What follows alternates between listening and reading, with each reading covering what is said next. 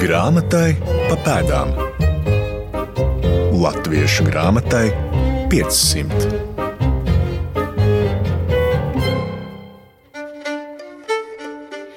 No 1770. līdz 1818. gadam esmu savācis plašu materiālu par ģerboņiem, pieminekļiem, skatiem, uzrakstiem, ciltskokiem un citiem ievērojamiem objektiem. Es to sakārtoju tādā secībā, kā tie man nāca priekšā, un tā pakāpeniski izveidojās desmit folio sējumi. Šis ir fragments no Johana Kristofa Broces ievadvārdiem viņa desmit sējumu rokrakstu un zīmējumu apkopojumam, dažādu vidzemes pieminekļu, skatu, monētu, ģērboņu un citu krājums, kas tradicionāli saukts par monumente. Broces vārdu gan nevar sasaistīt tikai ar šiem sējumiem. Mans vārds ir Mariona Baltkalne, un šajā reizē mēģināsim vairāk atklāt, kas bija Johans Kristofs Broce, šis unikālais cilvēks, kurš darbojās 18. un 19. gadsimtā, kurš atstājis mums vienreizēju kultūra vēsturisku mantojumu par krietni plašāku laika periodu, un bez kura mūsu skats par savas zemes vēsturi būtu ļoti šaurs. Daudzveidīgo broces personību man palīdzēs atklāt divi sarunu biedri. Latvijas Universitātes Akadēmiskās bibliotēkas rokrakstu un reto grāmatu nodaļas vadītāja un vadošā pētniece Aija Taimiņa sarunas sākumā norāda, ka broces gadījumā mēs nevaram runāt par iespiestu vārdu grāmatniecībā.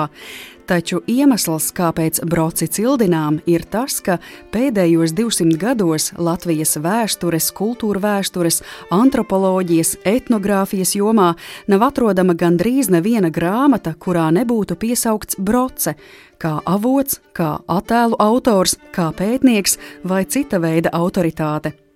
Ar Aiju Taimiņu turpinām sarunu Latvijas Universitātes Akadēmiskajā bibliotēkā, kur lasītavā visu sarunas laiku uz mums noraugās Kārla Zēlingera veidotais broces portrets. Grāmatai pa pēdām. Stāsts ir par kādu cilvēku, kuram par viņa dzīves saturu kļūst dokumentēšana, krāšana un pētīšana. Viņš ir zinātnieks.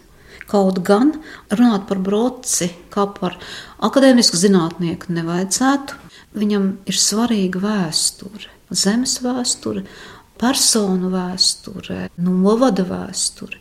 Visdažādākajās dimensijās, visdažādākajos aspektos. Par broci runājot, noteikti ir jāsaprot, ka tas ir mūžs, kas ir veltīts uh, kādām ļoti mīļām un ļoti būtiskām nodarbēm, bet tas ir ļoti kluss un ārēji neizteiksmīgs dzīves gājums. Tur nav nekādu radikālu vai dramatisku pavērsienu. Tur nav asu pārdzīvojumu. Tas ir rāms, rimts, bet ļoti piepildīts, ļoti bagāts mūžs. Jā, kā lai skaidri un sistematizēti paskaidro, ko viens cilvēks 47 gadus Rīgā dzīvodams un strādādams ir darījis un kādiem parametriem tas atbild. Bet tad man gribās atkāpties pie viņa dzīves gājuma un teikt, viņš ierodas Rīgā no ārzemēm. Viņš ir ārzemnieks. Viņš ir dzimis Gerlītas pilsētā, tā to laiku ir Saksija. Viņš ir guvis tam laikam parastu izglītību. Viņš ir studējis teoloģiju, devās ļoti būtiskās un labās universitātēs uh, Leipzigā un Vitsenburgā. Un viņš ir pieņēmis uz aicinājumu doties uz tālu, viņam ļoti svešu, nepazīstamu pusi, proti, uz ziemeļiem, uz tālo Rīgu, jo ir piedāvāta vieta darbam jaunam puisim kļūt par mājskolotāju. Un tā viņš ir ierodas Rīgā. Kā mājaskolotājs viņš strādā apmēram gadu. Tā ir Rādskunga Fedezaka ģimene. Un tieši šajā ģimenē, acīm redzot, viņš iegūst to pirmo impulsu. Es gribu darīt vēl kaut ko. Un tas vēl kaut kas sakņojas iespējā iepazīties ar Fegasaku, veidot to rokrakstu un dokumentu krājumu. Un šī aizraušanās kļūst par viņu mūža kaislību bet ir arī Rīgas licejs, kurā viņš darbojas. Rīgas licejs, tas tā ir nākamā darba vieta, kas pārtop uh, administratīvu pārveidojumu gaitā par ļoti respektējumu Vidzemes guberņas ģimnāziju. pilslaukums. Iepratim pilī. Pilī atrodas Vidzemes guberņas gimnāzijas ēka, jaunbūvēta ēka, ko Brods pats ir ļoti skaisti uzzīmējis. Un ejot gar šo māju, mums ir jāpadomā par to, ka mēs paskatāmies uz augšu, uz otro stāvu. Tad tur Brods ir dzīvojis, jo visi skolotāji mitinājās Guberņas gimnāzijā uz vietas. Brods logi gan nebija uz pils pusi, tie ir trīs logi, kas ir atrodami otrajā stāvā arsenāla ielas pusē, otrā ēkas pusē, bet tur Brods ir klātesošs. Tā ir viņa dzīves vieta, daudzas kādas bijušas. Un tā pedagoģiskā darbība, pret kuru viņš ir izturējies ļoti apzinīgi, viņam ir aizņēmusi ārkārtīgi daudz laika. Šī vēstures materiāla krāšana, tas ir brīvā laika darbs. Tā ir aizraušanās, tā ir misija, tas ir tas, ir tas ka viņš atdodas ar visu savu sirdi un dvēseli. Tas ir tas, kas viņa dzīvi padara skaistu, spilgtu, piepildītu, krāsainu. Viņš ir tam veltījis visu iespējamo savā dzīvē, lai veidotu šo savu vaļas prieku par kolosālu, prātam, neapturamu krājumu. Aizbraukšana no Saksijas brocam ir pilnīga un galīga. 1768. gadā Broce ierodas Rīgā un tās kļūst par viņa mājām līdz mūža galam. Jau pēc aptuveni četriem gadiem Broce raksta vēstuli uz Igauniju tā laika vēstures prominencei birģermeistaram Konrādam Gādebušam, un šajā vēstulē top zināms, ko Broce ir nolēmis darīt turpmāk, kas viņam ir svarīgs un kā viņš sevi redz. Svarīgā grāmatzīme. Viņš sevi redz kā ceļnieku, kā ceļa gājēju, kas iet vēsturnieka taku. Bet viņš nepretendē būt pats par vēsturnieku, viņš grib būt palīgs kādam citam. Kurš varētu tomēr bija iespējas, tā ir Brotas pašā izteikta doma, no šī vēsturnieka celiņa noņemt, novākt kādus izmētātus akmeņus, šķēršļus proti, vai palīdzēt tikt vaļā no kādiem aizaugušiem krūmājiem, proti, neskaidrībām. Es gribētu tā skaidrot. Viņš strādās ar atsevišķām personām, atsevišķiem faktiem, atsevišķām situācijām, vietām, fenomeniem. Tādā garā strādādams, kā to paredz ļoti interesants vēstures rakstīšanas koncepts, tā saucamā antikvārisma koncepcija.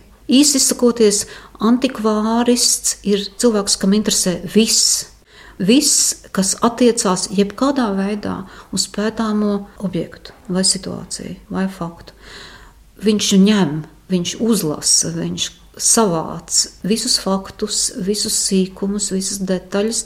Vai tas būs noderīgs vai nebūs noderīgs, to vēlāk kāds cits varēs izsijāt, izvērtēt, izskatīt. Bet būtība ir savākt.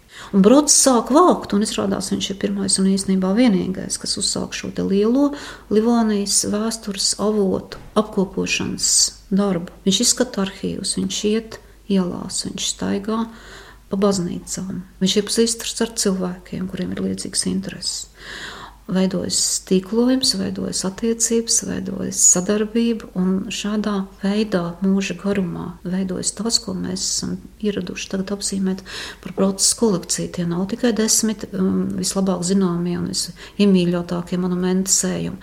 Tā ir Brotas biblioteka, tie ir viņa cita satura un cita veida rokraksti, kopumā apmēram 500 sējumi. Broce ir bijis ļoti diskrēts. Viņš nav vēlējies publiskot savas sociālās attiecības, nav arī saglabājies kāds broces draugu saraksts. Jā, Rīgā un Vidzemē veidojas vēstures interesantu aprindas ar broces domu biedriem. Brocem ir vēstuļu partneri Igaunijā, kuri turpina viņa darbu, bet ar kuriem viņš nekad nesatiekas. Ir kontakti ar Vidzemes guberņas ģimnāzijas audzēkņiem, kuru vidū izveidojas vērā ņemami mākslinieki. Tomēr Broce iet savu patstāvīgu ceļu. To, ka viņam dažās epizodēs izdodas ar savu prasmju un savu interesu palīdzību arī iesaistīties kādos lielos projektos, tas ir drusku cits aspekts. Piemēram, viņam izdodas uh, sadarboties ar Rīgas rāti un šādā veidā Rīgas rāta iegūst uh, senāko dokumentu kopijas, kas glabājas līdz šim nepētītas Rīgas rāds arhīvā. Tas ir liels, ļoti liels Johana Kristofa Brods darbs daudz gadu garumā. Dokumentu, faksimilu kopiju izgatavošana, komentēšana, tulkošana, skaidrošana. Līdzīga veida sadarbība viņam veidojās, piemēram, ar vidzemes bruņniecību. Tas ir laiks, kad Krievijas impērijā notiek matrikulas veidošana, respektīvi katram dišūtīgās dzimtas pārstāvam ir jāvar pierādīt savus izcelsmes leģitimitāti, savu īpašumu iegūšanas veids un kārtību, lai apliecinātu savus tiesības saukties par dišķiltīgu. Broce palīdz veidot šos dzimtu aprakstus, strādā ar mūža dokumentiem un tādā veidā arī nopelna kādu naudu. Vidzemes bruņniecība pēc tam brocem piedāvā citu iespēju, tad, kad kļūst aktuāla doma, ka ir jāveido vidzemes, Livonijas vēstures um, liecību pamatdokumentu krājums ar tādu mērķi, lai pierādītu šīs zemes, šīs teritorijas vēstures, visus um, dokumentāros avotus. Tas ir darbs ar Kenigsbergas slepenā ordeņa arhīvu dokumentiem. Brods ir konsultants, Brods ir, ir uh, komentētājs, Brods veido norakstus, Brods strādā apmēram desmit gadus pie šāda liela, milzīga pasūtījuma darba sadarbībā ar citiem līdzīgi iesaistītajiem cilvēkiem. Bet, piemēram, gadījumā, kad viņš pievēršas krietni plašākam jautājumam, šai Livonijas vēstures pētniecībai, ir kaut kāds brīdis, kad viņš saprot, jā, es esmu savu darbu pabeidzis, un kur tad tas tālāk nonāk? Dzimtas pētīšanas gadījumā, labi, dzimta to pasūtīja, un viņi arī to saņem, bet šādi lieli, vērienīgi darbi, tos viņš arī kaut kur virza tālāk. Nu jā, kas notiek pēc tam? Mm. Nē, nu, pasūtījuma darbs, to mēs visi saprotam, ir pasūtījuma darbs. Viņš strādā gan pasūtītājiem, gan sev. Bet vienmēr, kad mēs domājam par to, ko Brods ir darījis un kā viņš veido savu kolekciju, ir jāatcerās viena ļoti būtiska lieta. Viņš nestrādā tikai sev vienu, viņš to skaidri ir pateicis un, un apzinājies. Viņš strādā un veido savu sējumu, savu dokumentu, norakstu krājumu ar domu, ka to noteikti kāds pēc tam izmantos. Respektīvi, viņš patiešām domā par sabiedrības interesēm.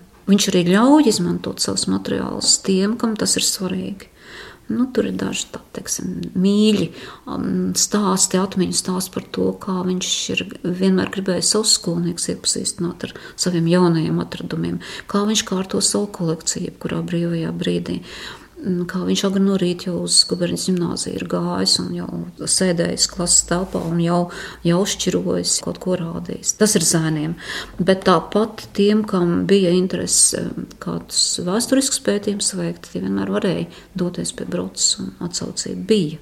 Un pavisam skaisti ir tas, ka sabiedrība, tā laika sabiedrība to ir spējusi adekvāti novērtēt Un broces sakarā noteikti ir um, vērts atgādināt to, ka tad, kad viņa kolekcija jau ir faktiski noformējusies, un viņš savu darbu ir beidzis, tas ir mazā vecumā. Sabiedrības ieros, Rīgas sabiedrības ieros, viņa laika biedra un dombiedra iniciatīva ir vākt līdzekļus, atpirkt no broces viņa krājumu un par šo sazietoto naudu to nodot Rīgas pilsētas bibliotekai, lai tas kļūst par sabiedrības īpašumu, lai to tagad var izmantot viss, kas vien to vēlās. Tas ir unikāls gadījums, kad kāds pētnieks saņem atlīdzību par savu mūža darbu, un tā ir sabiedrības savākta nauda. 2030 sudraba rubļi brocem tiek. 1821. gadā, nu, jāsaka tā, viņam palikuši divi dzīves gadi vēl ir tikai. Bet Rīgas pilsētas biblioteka iegūst pilnā mērā visu kolekciju, un tas kļūst par sabiedrības īpašumu līdz šai baltai dienai. Jūs jau minējāt, ka monēta desmit sējumi tas noteikti nav vienīgais eh, vērienīgākais procesa darbs, bet kāpēc tas tik ļoti tiek pieminēts kā viens no atpazīstamākajiem procesa darbiem? Kas to raksturo, kas ietilps šajos desmit sējumos? Brods pats ir pateicis. Atklājam tekstus. 1819. gadā, tātad uh, stipri cienījumos gados, viņam ir 76 gadi, viņš raksta priekšvārdu desmit monumenta sējumiem. Un saka tā, no 1770. līdz 1818. gadam es esmu sakrājis kādu daudzumu vidzemes ģerboņu, pieminekļu, apkaimju, uzrakstu, dzimtas koku, dažādu interesantu parādību un tā tālāk liecības. Un visu tā, kā man tas ir nācis, arī šajos desmit folijos sējumos apkopojis. Un tagad manu vecumdienu dēļ savu darbību esmu pārtraucis. Un tad viņš saka tā, man ir jāatvainojas, ka esmu savācis tik daudz sīkumu, kurām nebūtu bijis vērts pievērsties, bet vienam ļoti kaislīgam krājējam bieži šķiet, ka tas, kas citam nav nozīmīgs, ir ļoti vērtīgs. Un tāpēc es šeit esmu savācis visus, kas man ir šķitis nozīmīgs un vērtīgs. Un lai tas noderētu kā tam tēvzemes vēstures traukam. Šajā sakarā parādās brotas krāšanas forma visu, visus sīkumus. Un, ja Broce pats ļoti iemīļojas ar tādu teicienu, nekad nevar būt par daudz rūpīgs, tad jūs varat iedomāties, kāds ir bijis šis milzīgais faktu daudzums, ko viņš ir uzskatījis par nepieciešamu fiksēt. Un te uzreiz mēs varam jautāt, bet tad ko viņš nezīmēja? Un atbilde ir, un tā ir žēlaba pilna atbilde, kāpēc mēs neredzam Rīgas kafejnīcas. Kāpēc mēs neredzam kādas sabiedrības svētku reizes, balles, piemēram, pieņemšanas, teātrus? Kāpēc mēs neredzam nu, kaut vai valdnieku Aleksandra I uzņemšanu Rīgā? Mēs būtu gribējuši to redzēt. Mēs neredzam arī Rīgas priekšpilsētu degšanas ainu 812. gadā. Tas nav tas, kas brocam ir bijis svarīgi. Ne šis mm. sadzīviskais, ne šis privātais, ne šis, kā varētu teikt, sociāli interesantais, bet ne vēsturiski nozīmīgais. Šī specifiskā procesa izvēle tā mums mūsdienās palīdz saprast tā laika vēsturi, vai varbūt viņa arī šis pedantiskums un specifiskā izvēle kaut ko mums tieši otrādi apgrūtina. Lai saprastu, kāda tam ir nozīme un vērtība, uz mirkli iedomāsimies, izējot no pretējā. Kas būtu tad, ja nebūtu broces krājuma? Kāda būtu mūsu sapratne par arhitektūru, piemēram? Kāda būtu mūsu redzējums uz vidzemes ainavu?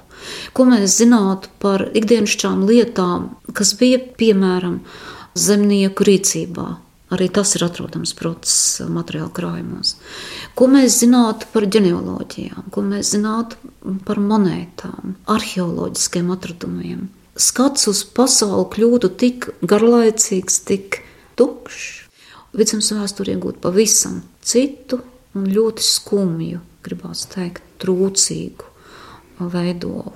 Un ir tādi pilnīgi skaidri definējami pamatpunkti, kā mēs visi, daudzu pauģu pētnieki un glabātāji, esam izturējušies pret brocu un viņa mantojumu, tā ir bijība.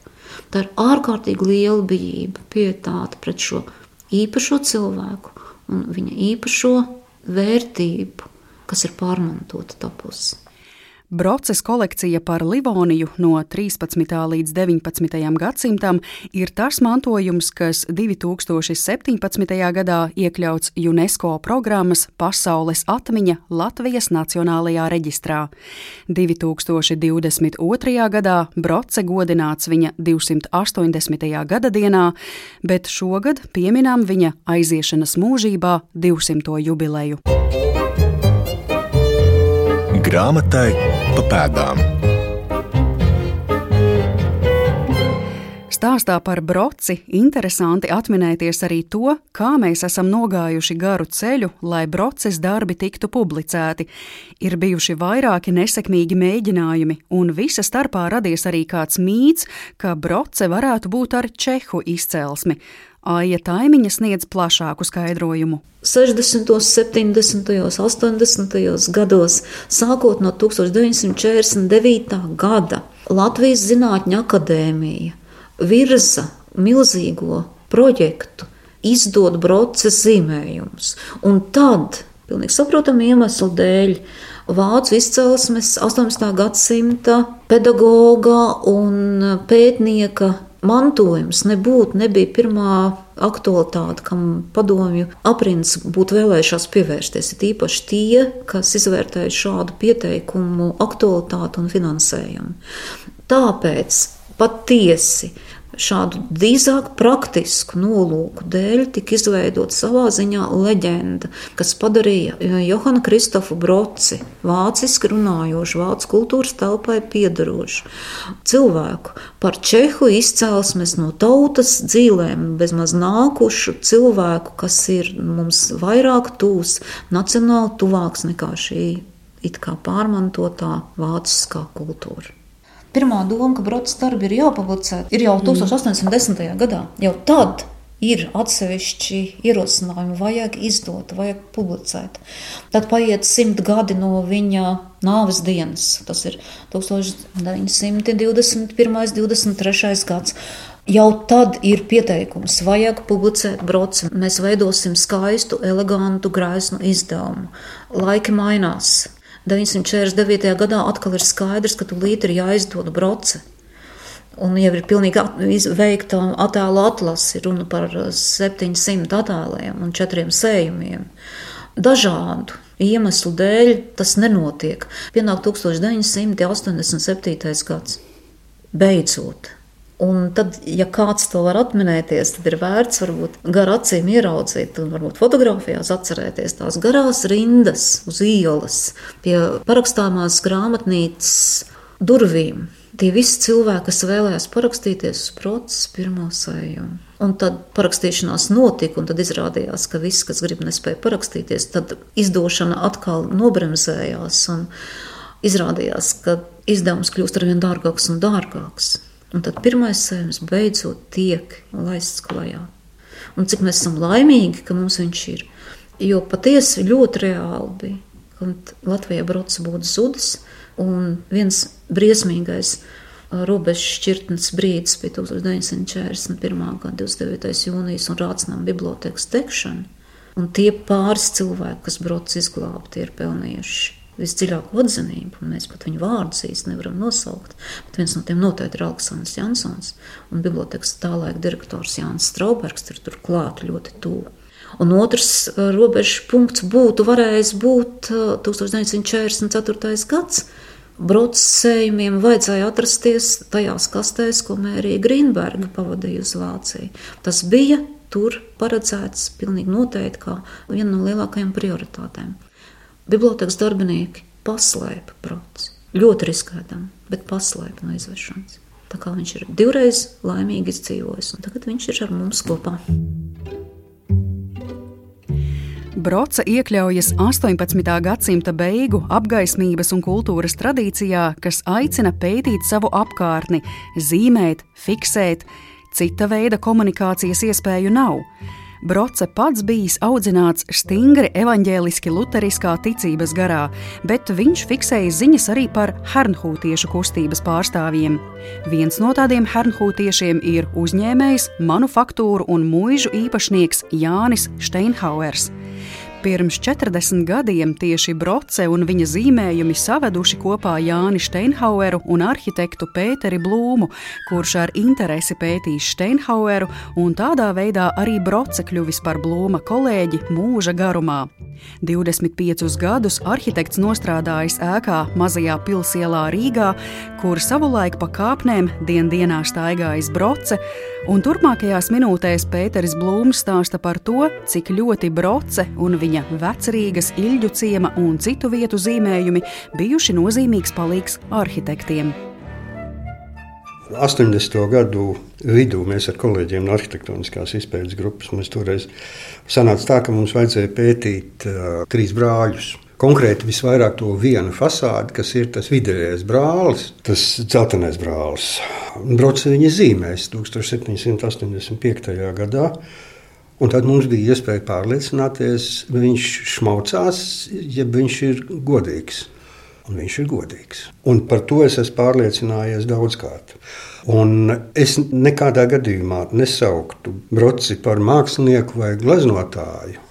Viņš ir bijis pētnieks, bet es viņu vairāk uztveru kā misionāru. Viņš faktiski ir gara misionārs, kurš ir ar dziļu drēbes izpratni dokumentējis Latviju. Jo, ja viņš būtu tikai mākslinieks, tad viņam nebūtu tekstu. Tā ir milzīgi bagāta informācija. Un mums nekā līdzvērtīga nav. Nav ne lietuviešiem, ne igauniem. Bet uh, Broce ir pelnījis daudz ko vairāk, kā tikai vienu plāksnīti mazajā pilsēlā. Un es mm, domāju, ka nu, vismaz ielu viņa vārdā vajadzētu nosaukt. Kaut vai mazo miesnieku ielu, kas ir maza īsa ieliņa, bet viņš uz tās ielas stūra dzīvoja. Un tā māja ir joprojām saglabājusies. Viņa ir pārbūvēta, bet viņa ir. Kāpēc viņš nevarētu būt uz eiro, uz eiro monētas? Tas būtu ārkārtīgi cienīgi. Kāpēc nav brocis vārdā nosauktā prēmija? Broces lasījuma, broces dienas vai kaut kas tamlīdzīgs. Brocis vajadzētu mācīt skolā, kā viņu lasīt. Mūsu acu priekšā ir vairāki ilģu ciema senie plāni, citi pilsētas plāni. Kā broce pētniekiem jums palīdz veidot izpratni par Rīgas arhitektūru, par arhitektūras attīstību? Principā, ja mēs runājam par arhitektūru, tad vērtības ir vairākas. Tā ir pilsētas noskaņa. Viena fantastiska vērtība, piemēram, tā ir vecrīgas polihromija. Kā bija krāsotas mājas. Broces laikā tas ir mm, pārējai no baroka caur rokoko uz klasicismu. Kā tajā laikā bija krāsotas ēkas, un no viņa mēs uzzinājām, kas tas vispār ir. Eh, vecrīgas fasāžu polihromija, ko mēs atklājām 80. gadu vidū Vecrīgā kur bija totāli aizmirsti. Tiem, kas teiksim, strādā un interesējās par ielu segumiem, par bruģējumiem, viņa zīmējumos bruģi ir izzīmēti pedantiski un precīzi, piemēram, kur laukums ir pie Rīgas pilsētas priekšā, ja, kur var katru akmentiņu saskatīt. Nu, tas ir ārkārtīgi spēcīgi. Ja es zinu, ko es meklēju, man ir priekšzināšanas, kā, kam vajadzētu izskatīties, un brocis man dod mājienu, re, re, tur paskaties. Ja? Tad es redzu, cik piemēram logam, vērtnēm ir rūtis, un es saprotu, kura laika logi tie ir un kādas proporcijas. Par jumtu materiāliem tas ir vesels stāsts, piemēram, par klīversalu, ja, kur viņš zīmē, kur ir visneiedomājamākās jumtu kombinācijas. Tur ir lubu jumti, tur ir dēļu jumti, tur ir šindeļu jumti, tur ir dakstiņu jumti, bet kas attiecas uz uh, broci un ilģu ciemu, un vispār Āgenes kalnu. Es saliku procesu eh, otrajā sējumā, un visas šīs zīmijas pie tam te nav viss. Tas ir tas, kas attiecas uz Zasmožu un Ilģiciem un Zaguškalnu. Viss šis te. Tie ir vairāk, tie ir pārdesmit zīmējumi. Tas nozīmē to, ja mums ir 1824. gada notinumi un plāni, ielu fasāžu notinumi, kur katrai mājai ir bildīte, kā viņa ir izskatījusies. Un ja mums ir broce, un ja mums vēl ir citi plāni, kur ir minēti, kuri zemes gabali kam pieder, mēs faktiski varam rekonstruēt īļu ciemu 18. gadsimta beigās. Un tad, pateicoties 1824. gadam, kur ir fasādes mājām un plāniņš, kur mājas ir atzīmētas, es izgriezu šīs mājiņas un salīmēju virsū nu, uz ielām veidojot tā tādu maketiņu, kurš man ļoti noder darbam. Es nevarēju saprast, no kuras vietas viņš ir zīmējis. Un tad, kad es viņu pagriezu šitā, pilnīgi viss līdz detaļām sakrīt. Es atradu to vietu, kur broce ir stāvējis. Un viens gabals vecīļu ciemā tagad ir rekonstruēts. Tātad, pagriežot plānu uz vienu konkrētu pusi, arhitekts var atrast vietu, kur stāvējis pats broce, un tādā veidā rekonstruēt vidi. Protams, tik vienkārši jau tas nav. Agrākie ielu plāni ir sarežģīti lasāmi, tie neatbilst mūsdienu plāniem, bet pedantisks darbs, kā to mīlējis Broce, interesantiem atmaksājas arī pašlaik. Tā piemēram, studējot šādus broces zīmējumus un skatot senos plānus, Pēterim Blūmam radusies versija, ka mūsdienu piektā tramvaja galapunktā Ilģu ciemā kādreiz bijis smiltes kroks, jo tā tas minēts arī broces aprakstā. Un vēl Broce ļauj gūt labāku priekšstatu par spilves kauju 1701. gadā. Tātad eh, spilves kauja 701. gada vasarā notika, kā pēc nosaukuma var minēt, spilves pļavās. Bet jautājums ir, kur? Un broce spilves kauju ir aprakstījis visādos veidos. Viņš ir pārzīmējis tos plānus, respektīvi, ir schematiskie plāniņi, kur viņš ir rādījis eh, kaujas vienību izvietojumu. Un to viņš ir pārzīmējis no vecākiem zviedru plāniem. To plānu mums nav. Respektīvi, ja viņš to nebūtu izdarījis, skatīdamies, saprastams, labāk es pārzīmēju, šeit tu sazini, kā būs tur vēlāk. Ja? Viņš to ir izdarījis. Mums tagad šīs schēmas ir. Un, nu, tas arī ir viņa intelektuālais ieguldījums mūsu laikam un arī nākotnē. Mm. Un tad tas jautājums ir, kur viņa bija tā kauja, ja mēs skatāmies šodien. Es vēl simtprocentīgi neesmu pārliecināts. Bet Ilģu ciems bija nu, blakus. Ja? Viņi pa logu varēja skatīties, vispār, kā tā kauja notiek. Nepilnu kilometru attālumā. Es strādāju, man ļoti daudz palīdz Oto Ozvols, arhitekts. Un mēs uzliksim spilves kaujas schēmu uz mūsdienu Ilģuciem plānu. Ilģuciems arī ir sasodīts vecs. Galu galā viņš pastāv no viduslaikiem. Un es gribu kaut ko sagatavot izdošanai. Un es domāju, ka šobrīd es varu pateikt, ka es apmēram jau kaut kādus nu, 70% no Dzeguškalnu bildēm, Ilģciem bildēm, Āgenskalnu bildēm, Zasumujas bildēm, es viņus esmu atšifrējis. Jo es jau ne tikai tā, lai pateiktu, no apmēram te, Mans mērķis ir nosaukt katru māju īpašnieku vārdā, ko brocis zīmējis. Un tas nav nereāli. Protams, broces zīmējumos un aprakstos dzīvo arī jau pieminētais uzņēmējs Jānis Steinhauers. Broces sniedzis datus par Steinhauera papīra rūpnīcu, par zasu mūžu, par hermeliņu mūžu. Broce atkal darbojies kā lielisks un uzticams starpnieks, un Pēteris Blūms teica, Tev gribot, negribot, jāsāk domāt, kas īsti šis Jānis Steinhauers bija. Steinhauera vārds ir principā viņa darbos saistīts galvenokārt ar papīra dzirnavām. Tā ir zasmoža, ko mēs tagad saucam par zasu lauku, bet tas ir starp Zaguškalnu un Kuldīgas ielu pie Daugogrības ielas. Mm. Pateicoties Broces pedantiskajiem zīmējumiem, konkrēti tas ir 794. gads, Viņš ir uzzīmējis um, dzirnavas. Un, uh, Tad, kad es sāku bišķi interesēties par to, kas tur ir attēlots, un sāku interesēties arī par papīra ražošanas vēsturi, tad es sapratu, ko nozīmē šīs jocīgās paspārnes. Te tādi gari logi ir. Vienai mājai, te ir otrai mājai, un te ir trešai mājai.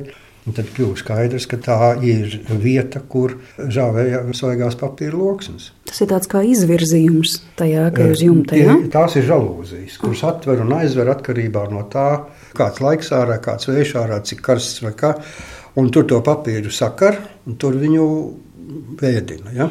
Broces produktivitāte ir pielīdzināma fotogrāfa darbam, zīmējumi top cits pēc cita, un tie ir arī desmitiem atstātu dokumentējumu par to, kā cilvēki senāk ģērbās. Poļi, ebreji, lietuvieši, zemnieks no Lēdurgas un tā tālāk. Etnogrāfiem tā ir zelta bedra. Cik veidu kamanu viņš nav zīmējis. Ja? Pateicoties brocēm, es varu vizualizēt pēc Steinhaueriem palikušās mantas Ūtrupes sarakstus 1781. gadā bija Ūtrupe. Un tur ir minēti vairāki nosaukumi ar braucamrīkiem, kurus es nezinu. Braucam viņi ir uzzīmēti. Kā norāda Pēteris Blūms, tad pētot konkrētā laika ēkas, bez broces varētu strādāt tikai slinkie vai naivie. Es ar pietāti domāju par Johanu Kristofu Broci, iztēlojos, kā viņš savulaik staigājis pa Rīgas ielām, palicis šai pilsētai uzticīgs un tajā arī atdusas lielajos kapos. Un es ļoti ceru, ka šim rūpīgajam vīram, no mākoņa maliņas veroties, mūsu veidotais stāstījums par viņa dzīvi šķitīs gana labi paveikts. Sirsnīgi pateicos saviem sarunu biedriem Aijai Taimiņai un Pēterim Blūmam. Raidījuma padomdevējs ir Latvijas Nacionālā bibliotēka un Latvijas Universitātes Akadēmiskā bibliotēka. Par skanējumu rūpējās Nora Mitspapa, producente Santa Lauga. Ar jums sarunājās Mariona Baltkalne. Nākamajā raidījuma sērijā lasīsim Stendera jaunas ziņas un jaukas pasakas un stāsti, un mēģināsim saprast, kāpēc varam apgalvot, ka tieši viņš ir licis pamatus latviešu laicīgajai daļliteratūrai 18. gadsimta beigās. Grāmatai pa pēdām. Latviešu grāmatai 500.